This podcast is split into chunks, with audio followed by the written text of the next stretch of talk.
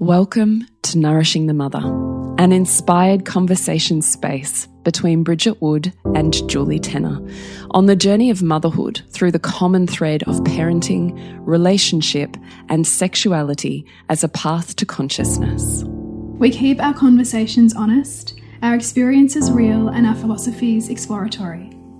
We believe that in order to raise incredible humans, we first have to raise ourselves. We know that in order to rock the family, you've got to nourish the mother.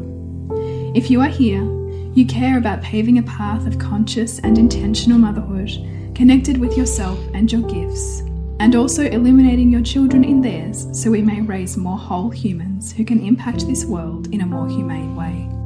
If you desire to integrate your learnings practically and supportively, head on over to bridgetwood.life or julietenner.love to go deeper. And for all live streamed, pre release podcasts and all our free content, head over to our free Facebook group, Nourishing the Mother with Bridget Wood and Julie Tenner. We are Julie Tenner and Bridget Wood, and we are so grateful you're here. Hello, and welcome to Nourishing the Mother. I'm Bridget Wood. And I'm Julie Tenner. And today we are joined by a very special guest as part of our Relationship Taboo series. And today we will be talking with Rachel McKenzie on the concept of infidelity and healing and forging relationship beyond the experience of infidelity. So it's a deep and rich and we hope so heart wholesome, grounded conversation that you take the richness out of it for yourself, your own well being, and the well being of your relationship. So before we jump into that conversation, which will be divine, I would love to remind you to jump onto nourishingthemother.com.au, scroll on down to the red banner, fill in your email address, and we will send you off an email every once in a while so you don't miss a beat and you have links and a click away from everything you need. So nourishingthemother.com.au. So we are joined by the divine Rachel McKenzie. I'm just going to read you her beautifully succinct bio and then we'll say hello to her. So Rachel McKenzie provides supportive mentorship and empathetic conversations for women navigating the heartbreak of infidelity. Welcome. Just, it just so beautifully capture, captures it, doesn't it? Oh, Lord. Makes my heart sing. Hi. Hello. Thank you so much for having me. Oh, thank you so much for jumping on and being so courageous and willing to share really deeply and vulnerably. Like, let's none of us take that lightly. It's really mm. profound. So, thank you. Thank you. We would love for you to begin with however lands for you in this particular moment, the story arc of your experience, so that our listeners just have a grounding on how they find themselves in the experience that, that you had. Yeah, absolutely. So, um, I think if you don't know someone with a story like this, um, you might have experienced it yourself or you'll come across it in friendships um, that you might have. I uh, was in a partnership with a beautiful man. Um, we've been together for 16 years. We've had two children together. Um, very beautiful life together. Um, very ambitious myself and uh, was very secure in the life I had with him and the life that I had built around us for our family. Um, and one day over breakfast, he walked in and he just had the most unusual look on his face. And he told me that he needed to talk to me about something. Um, and he looked so odd that I thought, I thought something had happened in his family that, that maybe there'd been a, sudden death or an accident. Um, and I braced myself for that news, but he said that he had been unfaithful. And he started to uh, sob and apologize and I think I went into a state of shock trying to understand and comprehend what he was sharing. Um, and then from there, it, it, just grew bigger and bigger over, over the weeks. Um, the one event turned into more events and the time frame grew longer. So, um, up to 18 months of our life, uh, infidelity had been part of our relationship without me having, um, any idea. And along with that, um, was this deep depression that it welled inside, um, that again, I just hadn't recognized. Um, and by that stage, we, we were both in very different deep pools of hurt. Mm. Um, him starting a lot further along the line because he was aware the whole time and me, um, stuck right back at the beginning. Um, yeah. And then from there, um, we both went on quite a individual journey. I didn't get quite what I needed at all to feel trusted, trust with him. So, um, though we tried a few different things, I came to the conclusion that, um, that we had to separate, uh, because his language was that he was incredibly sorry. Um, he didn't know why he had done it, uh, but that he promised not to do it again. And it just felt like the most, um, ridiculous promise that you can make to someone. Um, and so we separated for nine months um, and both did individual work, building ourselves back together again, um, and then reunited at the end, which was actually quite unexpected. So, yeah, that's that was my experience of the sudden impact of infidelity with without having any idea at all that that was part of our relationship for such a long time. I really hear the heaviness in your voice just just recounting it and and it, it is that that depiction of being blindsided it's just what I keep mm. what keeps coming up for me in your words is you know you say that you'd had this beautiful history together and two children and you know a very clear life path in your view and yeah. then this happens out of the blue. What was yeah. that? What was that like in your body when his words landed? I'd use the word shattering, you know, something that you can't quickly gather back up and put back together. And it having so many pieces to it that it just, it takes you so long to even figure out where all the bits have gone. It is information like that is like a it's like a relationship grenade. Mm. Yeah. And I, I also imagine a complete shattering of your own identity and who you thought you were perhaps in relationship. Oh, I had that quite well developed in myself mm. um, hmm. to begin with, but it had been a long time. Like I, I lost my sea legs, so to speak. You know, we'd been in a relationship for a long time, and that had been both of our identities. So um, to suddenly be relying on myself alone again. It, it took a little bit, not too long because I'd done the work, but it took a little bit to get, get back on my feet and feel comfortable again for sure. Mm. Mm. I have so many questions. I guess what I'm fascinated by initially is when you came to the conclusion that he wasn't meeting you and you were separating. Did you think mm. at that point in time you were working towards uncoupling or coupling? Um, yeah, so the confusing thing during all of this is that we were still a very good team.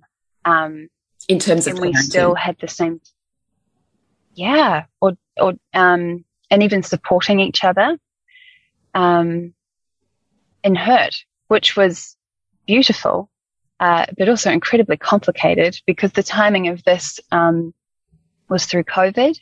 So uh, we couldn't financially separate our homes um, anyway.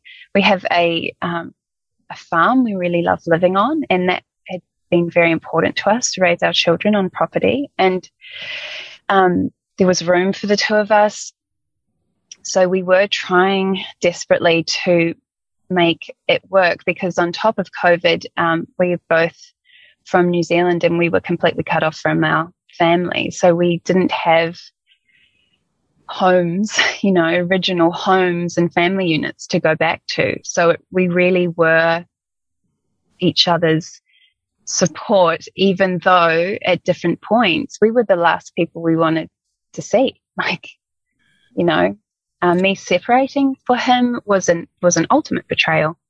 He felt he had been honest, and um, and I had then taken that honesty and not handled it well enough for him, and um, separated and broken up our family. And for him, that I think that must have felt as betraying as him being unfaithful to me. Wow. Mm. How do you let yourself be held by the man who, at this point in time, you perceive is hurting you the most? I couldn't let him touch me. Yeah, that was established very early. Um, that I needed, um, I needed a bedroom where I could shut a door that he wouldn't come up to. So um, we had different floors of the house, and he actually built a separate bedroom in the home to be in. Um, so I found that very respectful that he was able to respect my space. Um, but yeah, the, in terms of physical comfort, I, I absolutely couldn't. That that boundary was established very early on. What about in terms of emotional comfort? So when you say we were holding each other through the hurt and the pain at the same time as being the cause essentially of each other's hurt and pain, like how do you do that? That is um, stepping in and caring for our children when one of us needs to cry and break down and that's bringing in the washing and asking person that has hurt you have we got enough for school lunches in the morning? Um, it's that kind of support. It's it's how you would support a good friend. And i think we defaulted to supporting each other as the parents we were for our children could you see that that would be less functional for other people? Yeah, I think I think infidelity has no real book to it, and there's no right or wrong. There's no, in terms of trying to move forward with a relationship, whether that is being close to each other and supporting each other. And look, we weren't that wasn't by choice. That was by circumstance. It absolutely played in our favor later on. But, um, I think at the beginning, given the choice, we, we most likely would have, um, been physically in different homes. Um, and even moving past infidelity with couples as well, that the healthiest option might look like you never get back together. Um, it's more about how you move forward together with this theme and then what your life looks like after it. And if you have children together, you will still have a life together, regardless of whether you're in relationship or not. We are always in relationship to each other, regardless when you have children. So even if one of you is not at all present, there's still a parent of your child. So very complicated and I cast no judgment to the way any couple handles and moves forward with infidelity. So at this point in time where you're living on separate floors and you've put very clear boundaries around physical intimacy and you're doing your best to support each other's need for um, emotional space and to look after and caretake for your children, do you perceive at that point in time that you are done, that you're exiting? Or is there something still here worth saving? It is so confusing. It is so confusing because the person in front of me and what he has done is unrecognizable. So it is so confusing. Mm. Can you expand that out a little bit about what that feels like in your head? Um, I think when you're in a relationship together, um, there is kind of basic surface rules, social rules of what seems to be relationship and the examples we have around us. And then there's a lot of unspoken rules um, that are the dynamics between two individual people. Um, and the type of person that he was for me to be in partnership with would have never behaved the way he had. And that came as such a shock. And so the confusing part is that you are really, you've got this sudden new information about one theme, infidelity, but then you've also got a whole pile of information about where that has come from. You're still trying to catch up. Like, how did we get here? How did you get here? How did it go on so long? How did you juggle both lives at the same time? How could you cope with the stress and the guilt and still help me make dinner? Like, it's this, this person has developed a skill set um, that you didn't even think they were capable of. So they, they truly do become unrecognizable. You have to learn, learn new depth to a person that you might have spent a significant amount of your life with, um, that you suddenly realize you didn't know everything about. How do you do that? Day by day. day by day. What is that? You ask for a lot of support. That looks like uh, that looks like being um, understanding and empathetic in the morning and wanting to poke his eyes out by the afternoon. That's what it looks like. It is a roller coaster of, it's like the stages of grief all jumbled up, you know, because there's no predictable um, way it will go. If you have um, if you have really supportive friends who um, are vulnerable with you, maybe share their own stories. Every single one is different to each other. There's no handbook. Yeah, it's just a roller coaster. What does it mean to learn new depths of the person in front of you, the person you've loved? It's learning new depths of them, but also realizing how you've only seen them in one way. It's like your perspective gets wider all of a sudden and you realize you've only been seeing this person in one light, which means you've only been seeing yourself in one light. Mm. And then realizing that the two of you are actually much broader people than than you thought you were. Well, that is a profound spiritual truth. Bridgie, did you say something? I just, yeah, I, am just, just because that's really, I think that that's a, a, point that we should labor on because you said, you know, for the, he, he showed you a side of himself almost that, that you'd never ever seen before. But was he always that, or was it always a part of him that was, um, that had those characteristics, but through the lens that you saw him? You were only able to see yeah. it, you know, that like, and yeah, I, this, Julie and I talk about this often. Like, we think that we deeply know this person that we are spending our lives with, but we still only see the parts of them that we're able to see that reflected us, us essentially. Like, yeah. which is just a profound reality. Yeah. Yeah. And you, and then you suddenly realize that about yourself. You go, you know, the the meanness that would come out of my mouth sometimes would mm. frighten me. You know, I I would listen to myself and think, "Oh God, how can I say how can I say something like that?" And it's just bubbling from something somewhere of pure hurt and rage.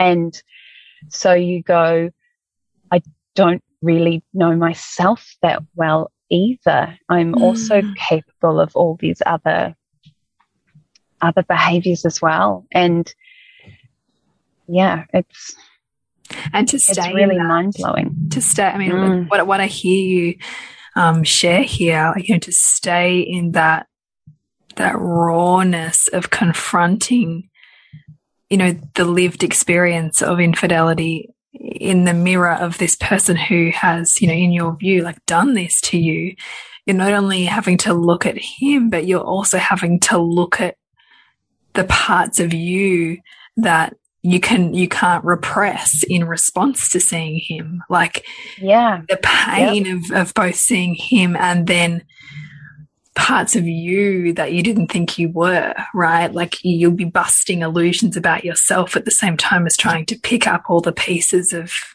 of what you thought your relationship was. I mean like that is just you know talk about like a dark night of the soul right it's, and it's long and it's lonely. And you realize that your hurt is your hurt and you are never going to get the sentence that you desperately crave that the person truly gets it. When you're hurt like that, all you want to hear is that the person truly understands the way in which you've hurt, they've hurt you and you never get it. Just like you will never give the sentence they need to them either. It's sitting in your mm. own hurt. And this is hurt from, you know, this is each of our own special recipe of hurt right from when we were children. They're mm. our own to carry and to have you both in full distress at the same time is incredibly hard and kids and mm. life and it's it's really really hard do you perceive a link between the woundedness that you've, or the hurt that you feel in this moment and the stacking of hurts from childhood? Do you see a thread or a link with those hurts? Yeah, absolutely. Like we, we got to the point where we realized that we were perfectly matched for hurting each other in just the right way. Yeah. For what reason? We're perfectly matched for loving each other and we're perfectly matched for hurting each other. Based on your wounds that are attracting that. Yeah. Yeah. Yeah. The panacea. And we make whole movies and songs and ads about that beautiful love part of matching each other and nobody wants to watch the movie where you mm. just hurt wounds. each other perfectly. Yeah. Perfect yeah. matching wounds. Yeah.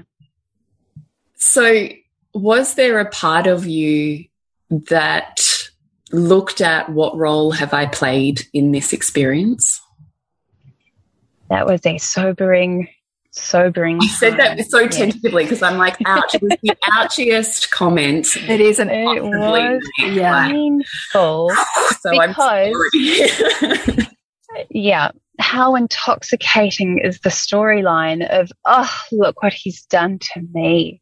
It is so such a gloriously intoxicating spot to stay in and I have spoken to women who have not been able to get out of that, who mm. have continued on for decades into their lives of staying in that spot If he did this to me and I have never recovered. Mm. And that those comments scared me enough to be very reflective and he was trying so hard and sharing so much um, vulnerability and work that he was doing for himself that um, I then did, you know, that's what we were sharing together.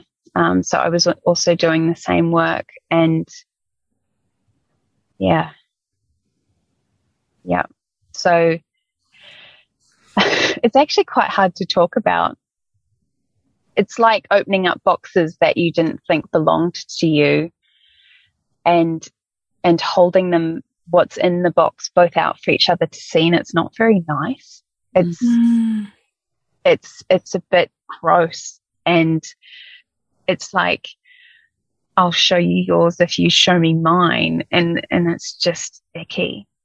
Mm. It's not attractive. They're not attractive qualities of your partner. They're not attractive qualities of yourself.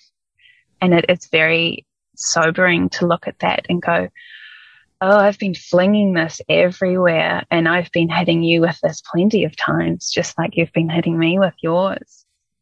Mm. I guess what I'm after is a little bit more on were you um, how did you make the leap from he's done it to me to a level of self responsibility and seeing this is a co creation and here's my role in it? Uh, guidance. We had we had good support um, helping us see that. Um, but then, if you have someone sitting across from you saying, "Here's where I feel this has affected you," of course you then feel comfortable enough to say the same back. That's just how those conversations go. I mean, they don't have to go that way, but those were the conversations that we were having. So just peeling all those layers off and sharing that with each other and not having a, isn't it so great we're going to get back together um, goal in mind. It was just, um, it's just where it broke us all back down to. Mm do you perceive that that breaking down was purposeful? Yes, yes. I, I could see that's exactly why we were attracted to each other. Can you break that apart? What would be the, the like, have you, could you say now that my infidelity was the best thing that ever happened to me? I would say that I would do it again. I would do it all over again. I would hit rewind and press play to get what we've gotten out of this. And what has that been? What have you let go of or disintegrated by resolve of this circumstance? And what have you gained that you wouldn't give up in order to not have that experience? We have let go of the bright and shiny view we had of each other. That is gone. That that went with that day that that infidelity was shared. And we have seen each other for what we really are. And we have now come back together again knowing both the wonderful and amazing qualities that we are so attracted to from each other and then also the opposite of and knowing and trusting in each other that we've got responsibility, self responsibility for those qualities. And that makes our relationship so much wider, you know, and we also know too that we can do hard together and we can do, we can care for each other even when we hurt each other badly. And having that knowledge, knowing that it feels so solid. It is so much more solid than what it was before which was very much based on, uh, you know, Bridget, you talk about pits and pedestals a lot. It was mm. very much based on the pedestal version of ourselves. Mm. So we've now done the pit and we get to come to the middle and it just feels really solid. What did that relationship that do both? Yeah, so that relationship of having each other on a pedestal, what did that feel like? Like you know if if if that was more what it was characterized by how what was the um the structure of that relationship? I'd say the word i would use for that would be predictable. So you'll act like this and i'll act like that and won't that be great for the two of us? And so comfortable. And mm -hmm. this is all very unconscious but you know, he would never be the man that would do something like that. That would never be my partner. My partner would never cheat and lie and behave in that way. And he's, you know, he, he wouldn't get depressed and not say anything. And I'm sure his would have been, if I was honest with her, she would never leave my side. She wouldn't need space and boundaries and separations to feel safe again, she would be very loyal and very understanding. And mm. yeah, yeah, quite. So both of you kind of flinging illusions onto each other of like the perfect person or the ever spacious person. Yeah, but while having no idea we're doing it. We, yeah. We've got no clue that we're doing that with each other, but it is a very predictable and safe dynamic. Mm because we're probably only really sharing the really great parts of ourselves. Mm. I mean, we'd mm. never done, we'd never gone anywhere this horrible together before. We just, mm. it had never happened. Mm. And I mean, we're talking about infidelity here, but you could be talking about anything. You could be talking about the loss of a child or um, mental illness or disability or any anything outside the ideal of you know the perfect couple and the perfect mm. life and the perfect fairy tale ending mm. yeah mm. there's a deep there's a deeper meeting of each other when when it hit, gets hard that you don't that's a beautiful way to phrase it a deeper meeting of each other it's mm. like an endurance it's like you looking across at each other and being like Jesus Christ, I didn't know we had this in us. Mm. Yeah.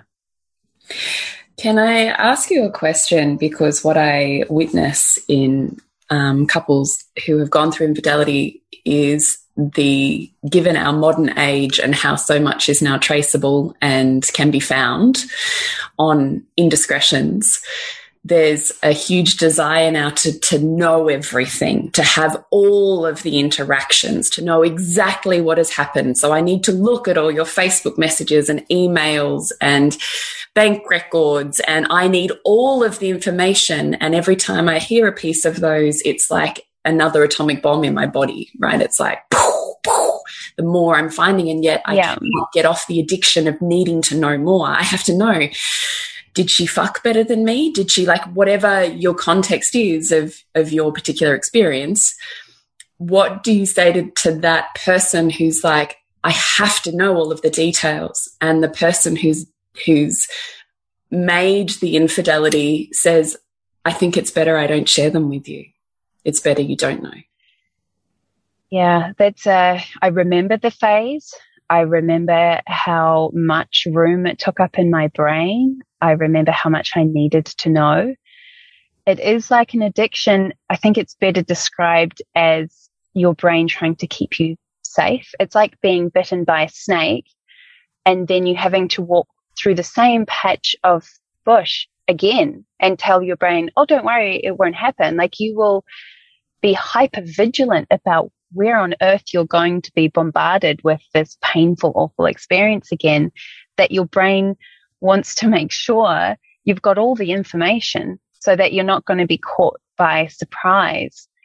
And for the person who has done the betraying, it's just as exhausting for them because it's, they are having to witness hurting their partner again and again and again with these little shreds of information. And I can completely understand uh, trying to balance the two of should I even be saying anything more if this is so hurtful? Mm. Um, the conversation I had with my partner is this is the price that you have to pay. You chose to be dishonest and lie. And the cost is that you have to catch up to my hurt. This is the depths of it. I will ask as many questions as I need to ask until I feel safe again.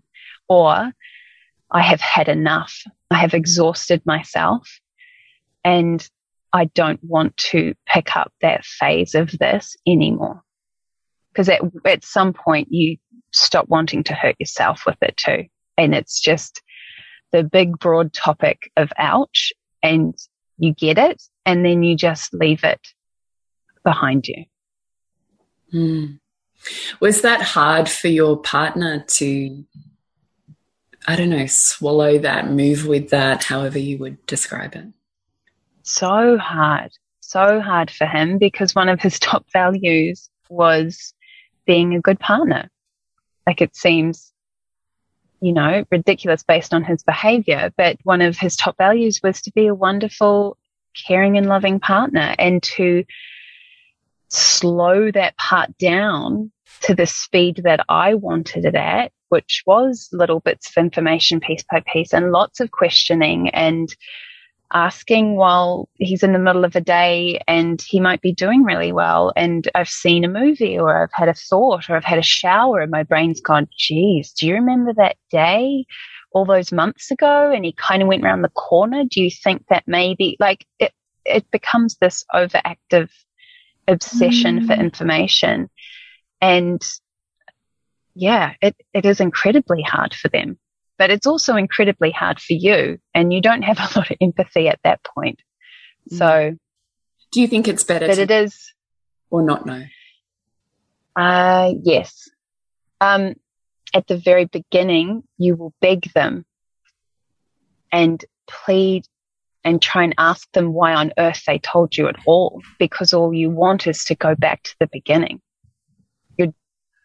You can't believe that they couldn't just keep it to themselves because if you didn't know, then you didn't know and you would have continued to have the life you had earlier in the week.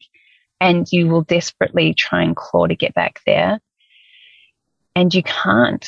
And then that then gives way. It's like denial, you know, the stages of grief we talked about goes from denial and then and then you'll go into quite an obsessive stage of just wanting to know all the information and it's just emotional whiplash all the time between the two of you mm. emotional whiplash i think um, describes that perfectly what would you what would be your suggestions for couples who find themselves in that um, obsessive or emotional whiplashing state but the partner who um, who has betrayed the other partner doesn't want to share further details?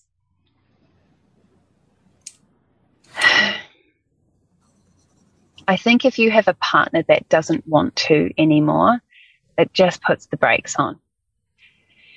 Um, really, what they're saying is, is that your hurt is too much for me here.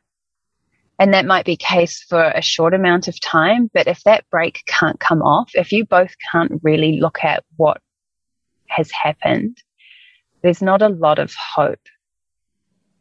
For my personal experience, for what I was needing. If he had said, Oh no, look, this is just too awful. And I've decided not to tell you anymore, that, that would have, that would have put a halt to any kind of progress for me personally. Mm. How do you move from you've shattered everything I thought was true and blown apart all of the years that have built our trust into trust and trusting you again? Um, I didn't know what that would look like. Um, I was asked that question. You know, he's wanting a roadmap of what he could possibly do to make it better or for us to have a future together. And um, for quite a long period of time, I didn't know. And I got very good advice that I didn't need to know and that I didn't need to have a time frame for that knowledge or be on someone's schedule. Um, and socially, you do get a lot of pressure for an update. Like, what are you? What are you not? What's the plan? What are you guys doing? Um, so just being able to slow that part right down until you actually know what that looks like. Um, and for me personally, it definitely wasn't, I promise I won't do it again. That didn't mean shit. Like that, that meant nothing. But what did start to mean something like tiny grains of sand were him being accountable for all the events and him working with others to figure out how the hell he'd gotten there and where it had all come from and sharing that with me. Could he explain that? Could he? Because I often see that that is a first question. People like, how? How did? How did? Why? How did you do this? How could you do this? Do you think that partners often know? No, no, and I think it would look different for every single couple. I think that's a like though that we assume the wrongdoer knows why they've chosen these actions. No idea. They have no idea, and I've had conversations with him and he has, has said most men, most men are desperately trying to get their families back and they have no idea how everything has gotten so bad, how they have fallen so far and done the things they have done to the person that they truly love. What do you but think? For them to say that sentence to the person that they have hurt means nothing. Yeah, in fact, maybe it's hollow. Yeah. And maybe more hurtful not to even have a reason. How have you done this? I don't I don't know. It seems like a cop out, doesn't it, versus the truth. What a dangerous kind of love declaration. It's awful. Yeah. Yeah. How do you reconcile that and move beyond it? That's him saying, and this is part of our relationship now. Um, this is the broader part, you know, it's better and there's other bits that are worse than it was before because it's, it's bigger. The worse bits are him saying, Oh, yeah. Um, I had a really stressful day at work today. I got a bit triggered by some comments from um, some of the dynamics at work, and I felt like maybe wanting to do something along those lines again. Because when I do, I feel validated. And for a short period of time, I get my confidence back. Like, it's to sit across from your partner and hear that. But the rest of the sentence goes, but I called you or I called a friend or I recognized it in the moment. Um, and that is something that I'm going to have to need to work with someone this week with. It's the recognition and awareness and planning around what I'd almost call an addiction. It's it's the the behavior patterns, destructive behavior patterns in relationship that you start to treat like an addiction and you give them the respect that they deserve. You give the person the respect, do you mean? Nope, you give the addiction the respect it deserves.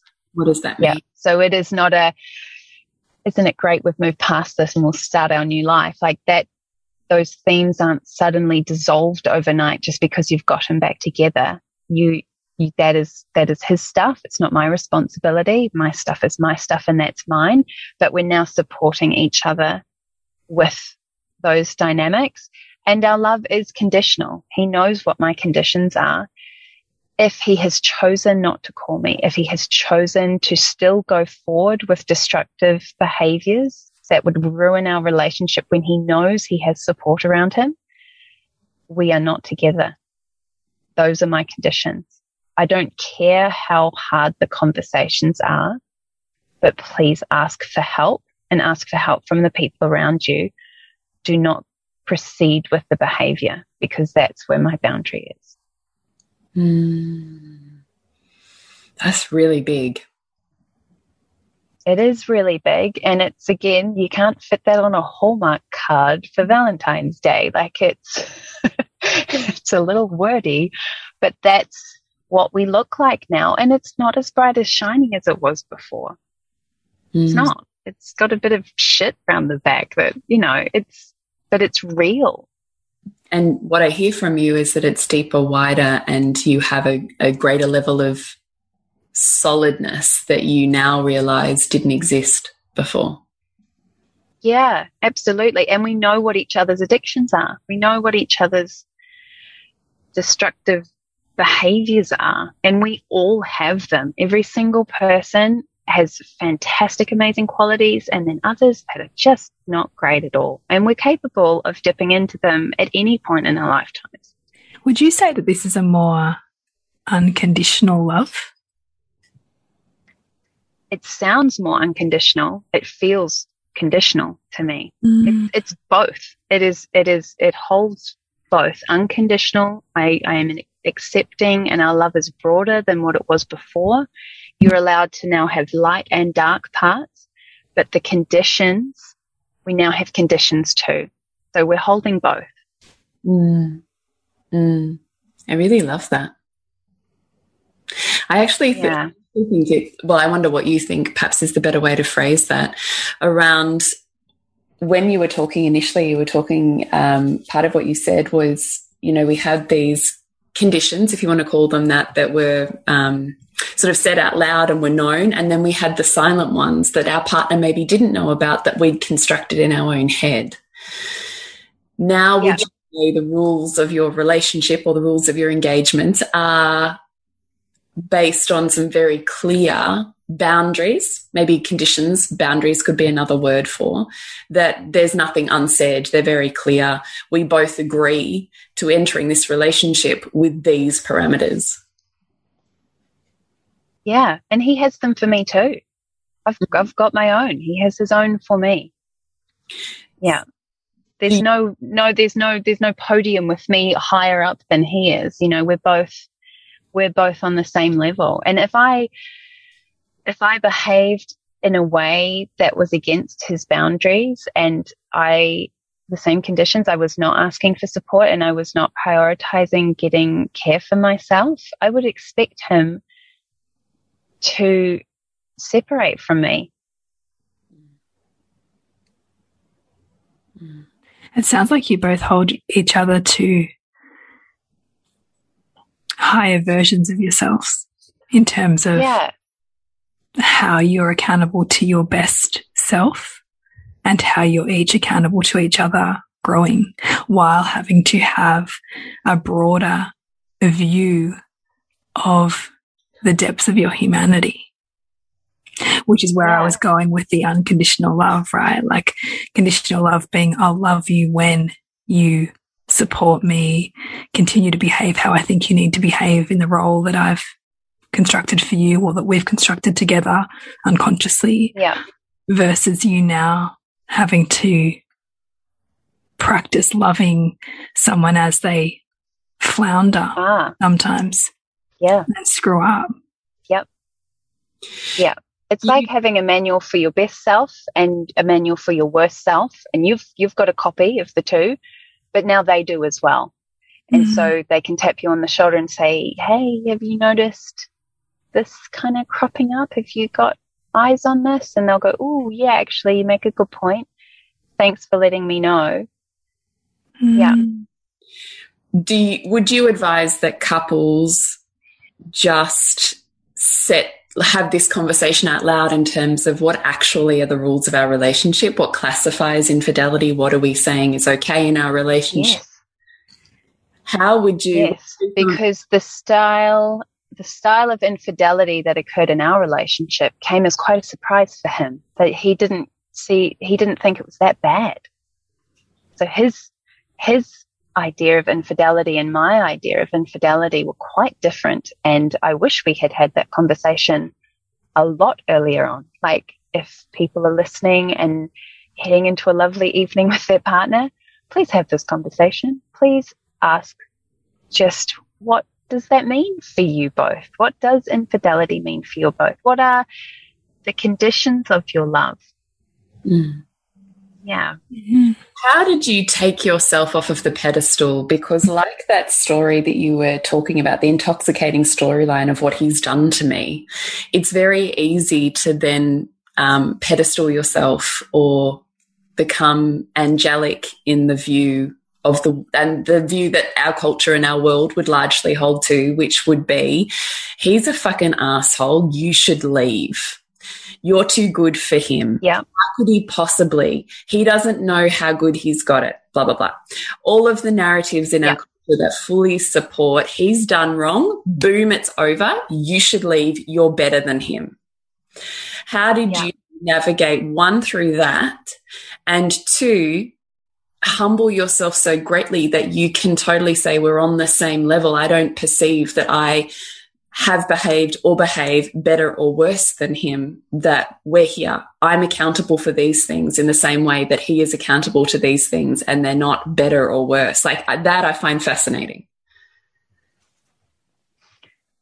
Oh, I don't even know if I can explain it. It's just a process that we both went through. And I just saw myself it's just work too. You know, if you're doing therapy or coaching or you're having conversations with people human beings just themselves are so much broader and their behavior is, is so much bigger than what we'd like to acknowledge. Like we're all capable of, of really horrible behavior.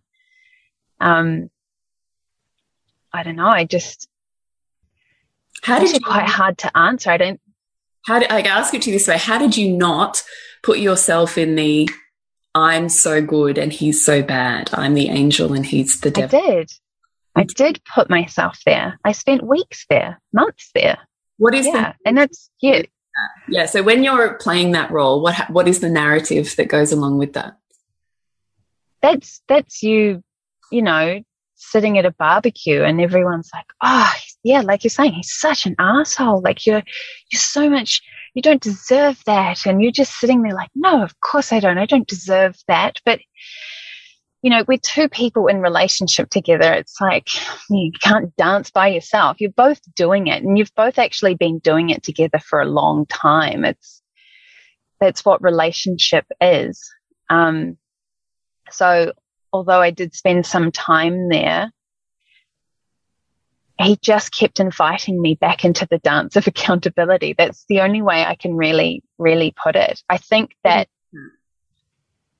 trying to recover from infidelity if you had a partner who was just not on board with being accountable in any way. And he wasn't good at it at the beginning. This was a skill that he had to learn and a, a knowing that he had to slowly come to, just like I did. We were not like profound gurus on a mountain and we just did this in a really amazing way from the beginning. It was slow. This took nine months for us to pick apart and figure out. And some dates we did it really, really badly. But most of the time, we just tried our very best. And we did that for our children. I'm very thankful that we had our children at our feet because our behavior had to be at a level, you know, they're, they're small and they're listening and they're watching and they were just the buffer point for us to treat each other like the mother and father for our kids we had to do it at least at that level with them and for them in their own home. Um, and from there, we just slowly found our feet. What was it about him holding, when you say he held you to accountability, what does that mean? What does that look like? That looks like him not just leaving, like just packing his bags and being like, Jesus Christ, he's asking for a lot of extra work, I could definitely repartner with someone who doesn't require all of this. She's holding up a lot of mirrors here and she's asking for a lot. These are hard conversations. Um, him just being in that separate room and choosing to come home and, and be there, even when being around me was really hard. Um, and just, I mean, that was accountability for me. Him, him being in an environment that wasn't very welcoming for him for a very long time. I actually don't know if I would have had the stamina to sleep in a separate room in a family home where the other partner didn't want me there for quite a large amount of time. That I'm, I'm incredibly impressed that he was able to do that because he did it alone. Mm. Um, just like I was doing my part alone. Um, but for me, that is what accountability looked like. That's the base level. And then from there, um, it's sharing conversations that he's having with counselors. It's, um, having conversations with me about like, when I behave like this in this way, how, what did that mean to you? Like, please explain to me why that hurt you the way that it did. And then me having the same conversation back where he goes, but you did this and you did this four years ago. I've always felt pressure from you because of this thing that you do. And me going, I've never thought about that. And then having to go away and come back and go, you're right. I, I did. I did put pressure on you for that. And I, I don't know why I did it. I'm going to talk about that with someone. It's not great. We've both not been great sometimes. Mm. It all starts to make sense how you get where you get with infidelity. It starts to all start to pull all the puzzle pieces together and go, ah, of course, this was always going to be a big something. You know, we always were going to, we were always going to drop this vase into a million pieces. And it, you know, when we we're talking about addiction, that could have been that could have been gambling, that, that could have been drinking, that could have been, it could have been all sorts of things, but it needed, it was in a bit of a pressure cooker without us realizing it, being stuck in these roles, these great versions of each other. And yeah, so when you look at infidelity like that, um, you do, you will hit rewind and do it again if you had to, because it, it catapulted us out of what we were and we've gotten such a more loving and more hurtful version of love for ourselves. Mm. Love is both, I think. So I just love, want to, love is both. I just want to return to the conversation where you were talking about the snake in the bush and being on guard and vigilant and how how to begin trusting again or how to move beyond the hurt and you know as you said never receive exactly the right panacea in words from them that you think you need how do you let go of that need for that exactly right thing? And you keep like they're not giving it to me. They've shattered all of this trust you give it to yourself. What does that look like? You give it to yourself. It looks like finding that little child version of yourself that needs that sentence. Oh it's going to make me cry. And sitting with them and saying i'm so sorry i have ignored you for so long and i've been trying to listen to the sentence from somebody else. Tell me again what you need. When you learn to care and love yourself the way that you're desperately trying to find that in a different person, in a partner, that is incredible. When you know that you can do that for yourself, you actually don't need partnership the way that you did before. And it becomes so much safer for both of you. So that's how you do it. What advice would you have for someone who's right now going, I just, I cannot trust a word that comes out of their mouth. I can't even open up to them. Start with yourself first. Mm. Trust yourself. Yeah. Go and go and find, go and find the bits. Write a list. Like when you are that hurt and angry and you're like, you fucker, how could you write the list of how could you hurt me like this? And that's where all your answers will be. All those parts that they have let you down in, you've, you've let down yourself. That's your own list. You tried to find someone to fill that list up for you, to reassure you and to love you in the ways that you haven't been doing for yourself. Wow. When you have that list sorted for yourself, when you can tick that off by yourself, that takes all the pressure off your partner. You can still ask them for help in those areas and you can still say, Hey, look, this is my list. If you can throw me some bones with this, this would be great. This would really make me feel amazing and safe and settled. But if you're having a busy week, I can do this too. I can do this for myself. It's amazing. I love that advice. Yeah. So, can you share the end of your story? So, you've moved through hurt and pain. At what point do you come back together? And what does that look like? Um, it looks like that we have individually made a lot of progress we're having conversations together that we have never really had before. They are amazing, deep, incredible conversations. Uh, we don't hold back because we're not together. Like there's nothing to lose, no cards on the table. So, um, they're robust and they're funny and they make us yell and laugh and, um, it's getting a little bit more playful. I'm feeling a bit worried I can feel that I'm starting to lose these boundaries that I have, have been holding on to so tightly. I can feel him starting to have an effect on them. And I'm worried. I'm, I'm a bit scared, um, that I'm getting, my hands are getting looser and looser. And, um, so I feel it. I feel it start to shift. And he sits me down one day it's just a normal co-parenting day in our COVID household we're sharing. And he says to me, I will be taking down the walls of this bedroom that I've built in this home today. I will be taking it down. You might feel all sorts of feelings about that.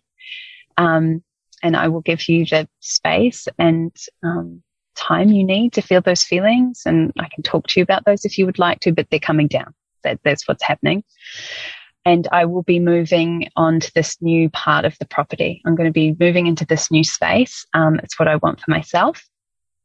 And I'm ready now to start this independent part away, away from you guys and start to really think about a future, you know, beyond this part we've done together. We've got to move on to a next step. Um, and I go, Oh, yes. Okay. Right. Sure. All good. And he starts to take down this bedroom and it takes, you know, a few hours and I am feeling all the feelings. I'm suddenly feeling am I making the right decision? Is should I be saying something? Is he maybe feeling the same way? Is that even the right way to be feeling? It's getting all muddled and confused. Um, we have a huge fight about the dishwasher. I really dig my heels on and I get really stubborn about this thing about the dishwasher and he yells at me. He yells and he's this person that he's never been before. He's very sure of himself. He is kind but firm. It is a no from him. I haven't seen this side of him before and I start to cry. I just cry and cry and cry. And of course, we're not yelling about the dishwasher and we're not crying about the dishwasher. It's just that end. It's the end point. It's the transition. It's a lot like birth. And, um, and he grabs me for the first time in nine months. He holds me while I'm crying and he says, I am all in. Are you all in too? And yeah, I just cry and I just let it all go. I let my defenses go and my boundaries go and my you might hurt me's go. I just finally give it all away and our children come running in and they're cuddling us and it's it's very beautiful and we had worked so hard and it was such a long marathon of a race um, but yeah that is how it ends and then starts you know we start to build something together that's brand new again so yeah that's what is that, ended. What does that feel like to build something brand new again with the person that you've known for 16 years? It's bizarre. It's um, like dating again with the person you've had children with and washed their laundry for 16 years. It's very weird. You're falling in love again. You're excited about the future. You're you've got this new appreciation and love for this thing that you almost lost. Like it's, it's incredible. This is the prize at the end for not leaving, for not repartnering and repeating. And this is all the accountability. This is all the therapy sessions. This is all the asking for help. And this is, this is what you get at the end. Mm. Yeah. And can we share your news of what is happening next week? yes, you may. Do you want to share? Yeah, I'm getting married. To this man? To this man. I'm getting married, which was just, yeah, it was just, it was just this point we could never get to together, you know? It, yeah, it took this for us to go, oh my God, that was close. Oh, that was close. And we love each other so much. And God, we're a good team. We're a good team and we can do a lot together. We can do it really good and we can do it really hard. And, and I want to be married to you. So it's like this I really choose you because I really see you. Yeah. Mm. We're going to do a lot together. Yeah. Yeah. What do you feel now that you've been through this enormous experience and and when we're talking about relationship taboos, I, I think in our culture there's rarely one as big as this as infidelity has created a better, stronger relationship rather than the opposite and you come to marrying this person, do the vows and the commitments that you make to loving this person look different to what they would have looked like with your naive self who said yes to marriage 20 years ago, let's say? Yeah, they would. They would. We're going to look at each other differently. We know, we know, we know. There's no, we don't even need vows. You know, we, we know exactly what we're promising to each other. Mm. Mm. What wisdom do you feel is unsaid or that you would like to impart for any listener who find them finds themselves in the throes of any part of the experience of infidelity to healing and a deeper relationship? Well, one, I just want to let you know that's totally possible. But any wisdom that you would like to share? I think the most important thing that you can do is be kind to yourself. Be kind and be gentle and go slowly. Do not, do not rush things. Do not try and set yourself to a speed to help others understand what you are or should be or how could you and have you considered just slow down, go gently, be very kind with yourself. This is hard. This is really, really hard. And ask for help. Get lots and lots and lots of help. What do you think is the all the greats have gotten there because of lots of help? 100% true. No one gets anywhere alone. Mm -hmm. What do you think it means mm -mm. get help for people? Like, what does that look like when you say get help, get support? What would you consider the most constructive sources for that? Help looks different for everybody.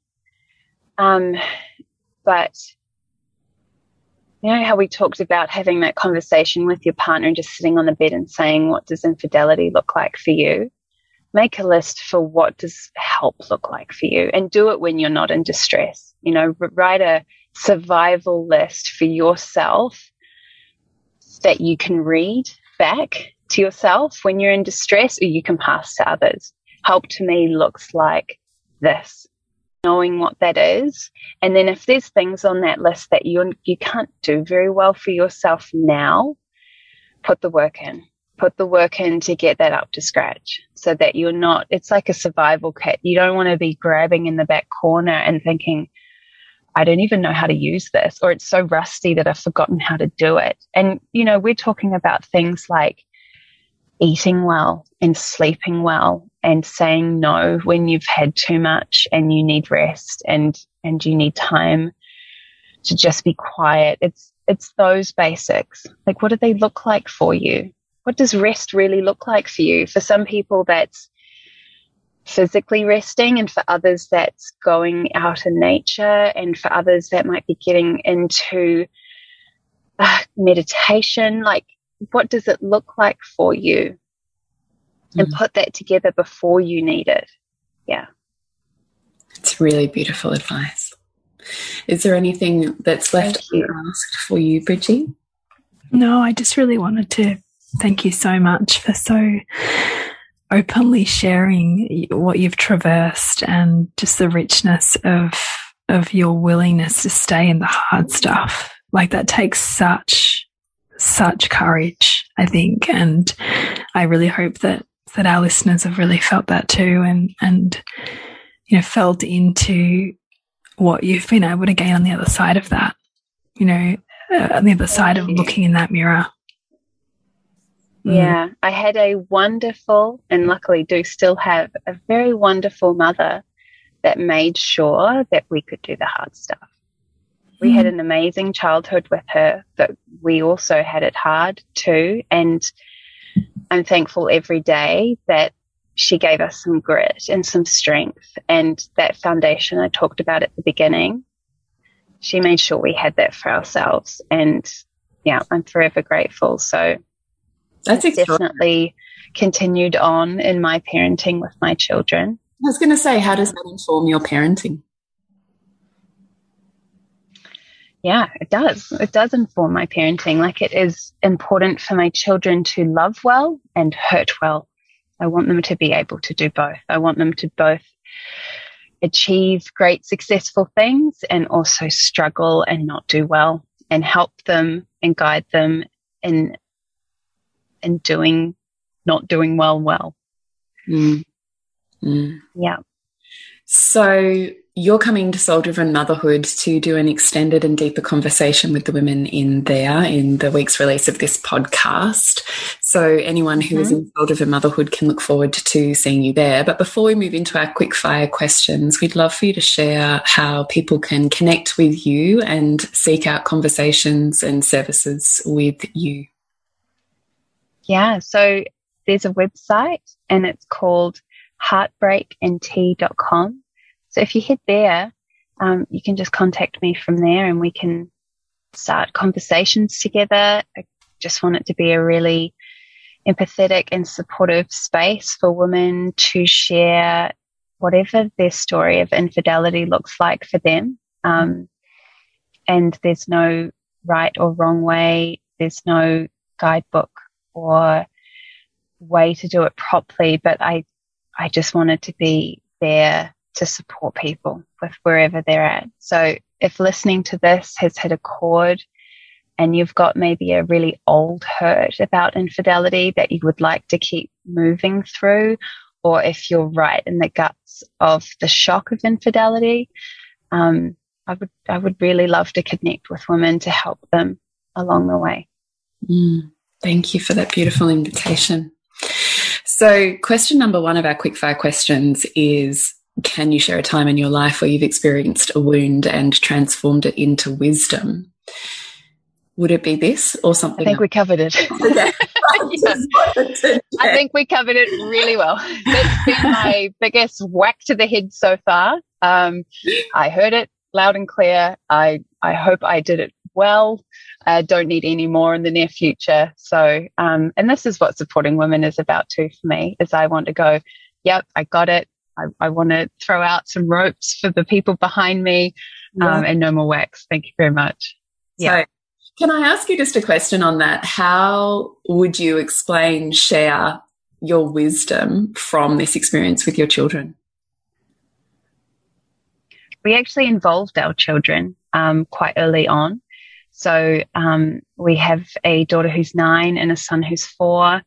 Um, I think the four year old, it just really went right over his head. Uh, but our nine year old daughter um, was very much involved with the conversations that were appropriate for her and knew that we were separating and got to see what that looked like. She got to see the modeling of two adults who were hurt and hurting and that still look okay. So, um, yeah, that is what that looked like. Thank you. Do you want to ask? Yeah. So, the books that you feel, book or books that you feel everyone should read in their lifetime, perhaps that's been most influential to you, what would you suggest? So, it's one book, and I try to give it to as many people as I can, and it's called Parenting for a Peaceful World, and it's by Robin Grille. Oh, it's, it's an odd one. So it's like a history book and a parenting book smushed together. So it goes right to the beginning, really, of the human experience of parenting through, right through all the ages. If you want a lesson on empathy of why people parented the way they did, and then why those children then had the adulthoods they had, this is the book. I feel every human being should mm. read that book to understand why we behave the way we do. And that sounds fascinating. Really, the limitations of each generation, too. We've mm. all got a bit of a bandwidth of how much we can stretch. And the way that I parent is nothing like the way that generations before me parented, but we did not have the same world around us.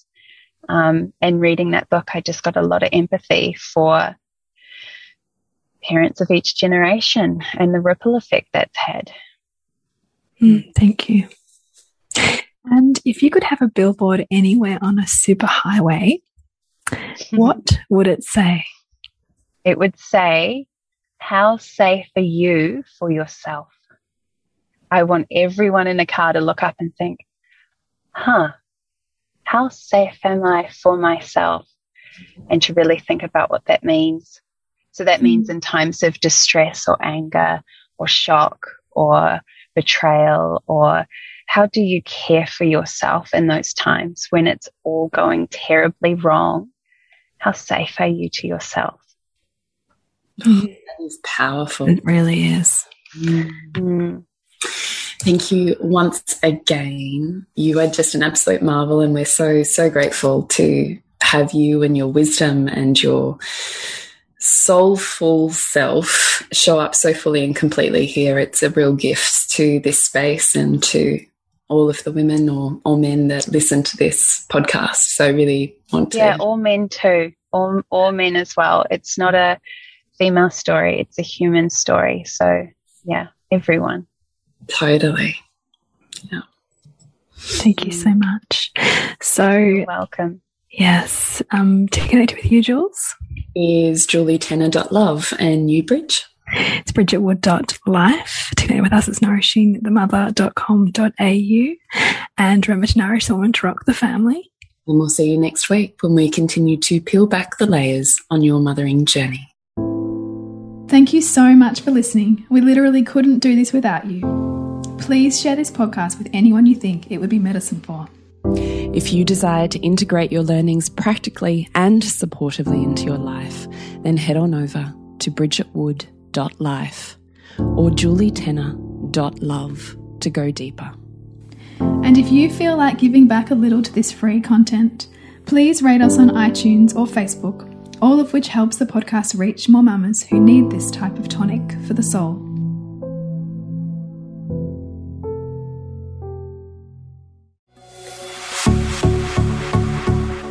This has been a production of TheWellnessCouch.com. Check us out on Facebook and join in the conversation on Facebook.com forward slash The Wellness Couch. Subscribe to each show on iTunes and check us out on Twitter. The Wellness Couch, streaming wellness into your lives. Whilst the Wellness Couch presenter endeavor to provide accurate and helpful information to their listeners, these podcasts cannot take into account individual circumstances and are not intended to be a substitute for health and medical advice from a qualified health professional. You should always seek the advice of a qualified health professional before acting on any of the information provided by any of the Wellness Couch podcasts.